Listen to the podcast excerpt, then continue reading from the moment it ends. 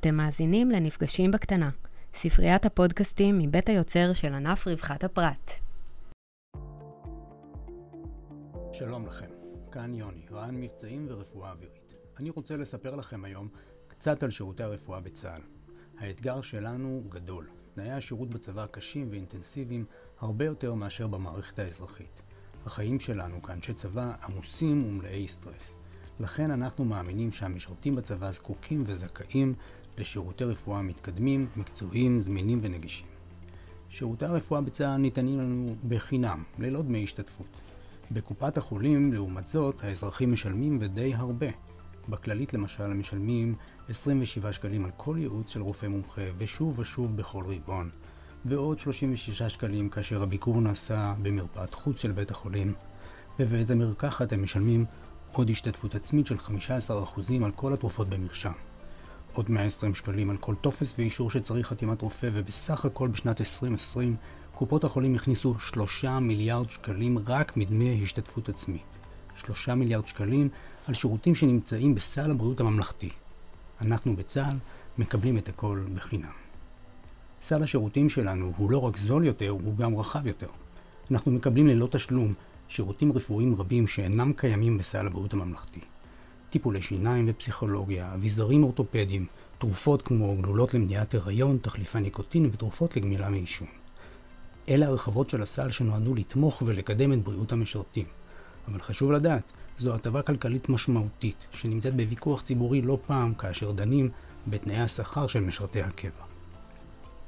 הביקוש לשירותי רפואה בצה"ל גדול, גדול מאוד. חייל בשירות חובה צורך בממוצע פי שמונה יותר שירותי רפואה ממה שהוא צרך כשהוא היה בכיתה י"ב, ויותר ממה שיבקש כשישתחרר מהצבא. אנשי קבע צורכים בממוצע פי שתיים עד פי ארבע יותר מבני גילם שאינם משרתים בצבא. כדי לספק רפואה בזמינות גבוהה, יצרנו קשרים וחוזים עם כל בתי החולים. כדי לראות רופא עור למשל, תוכלו לקבוע תור במרפא הצבאי או באחד מבתי החולים. לצערי, התור לרופא עור מבוקש מאוד וצריך להמתין לתור, אבל הזמינות של התור לחיילים טובה לפחות כמו הזמינות לאזרחים. ובחלק מהתחומים היא הרבה יותר טובה. באורתופדיה, בנוירולוגיה, פסיכולוגיה ועוד. תור ל-MRI בצה"ל תקבלו בתוך שבועיים שלושה. אזרחים ימתינו ל-MRI כשלושה חודשים. על מנת לשמר ולשפר את המצב, אני מבקש מכם, אם קבעתם תור לרופא, הקפידו להתייצב לתור שקבעתם. אם לא תוכלו להגיע, הקפידו לבטל מראש, כדי שהרופא יטפל במישהו אחר. גם בדיגיטל עלינו מדרגה.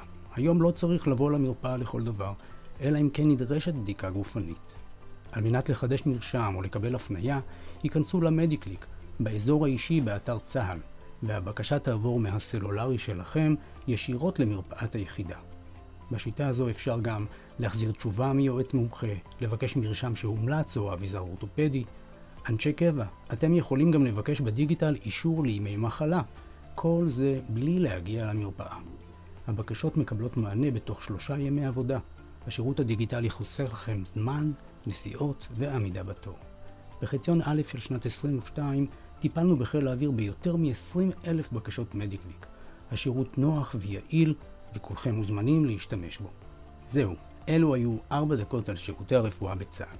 בפודקאסט הבא נדבר על מה עושים כשנמצאים בחופשה וזקוקים לעזרה. נספר לכם על הביטוחים המשלימים שלנו ועל השירותים המיוחדים בתחומי הפסיכולוגיה ורפואת השיניים. אנחנו בינתיים כאן כדי לסייע לכם בכל דבר שתצטרכו. ניתן לפנות למרפאה ביחידה ולמוקד מכל הלב של חיל הרפואה בטלפון כוכבית 6690. אני מאחל לכם חיים בריאים ופעילים. יוני, רע"ן המבצעים.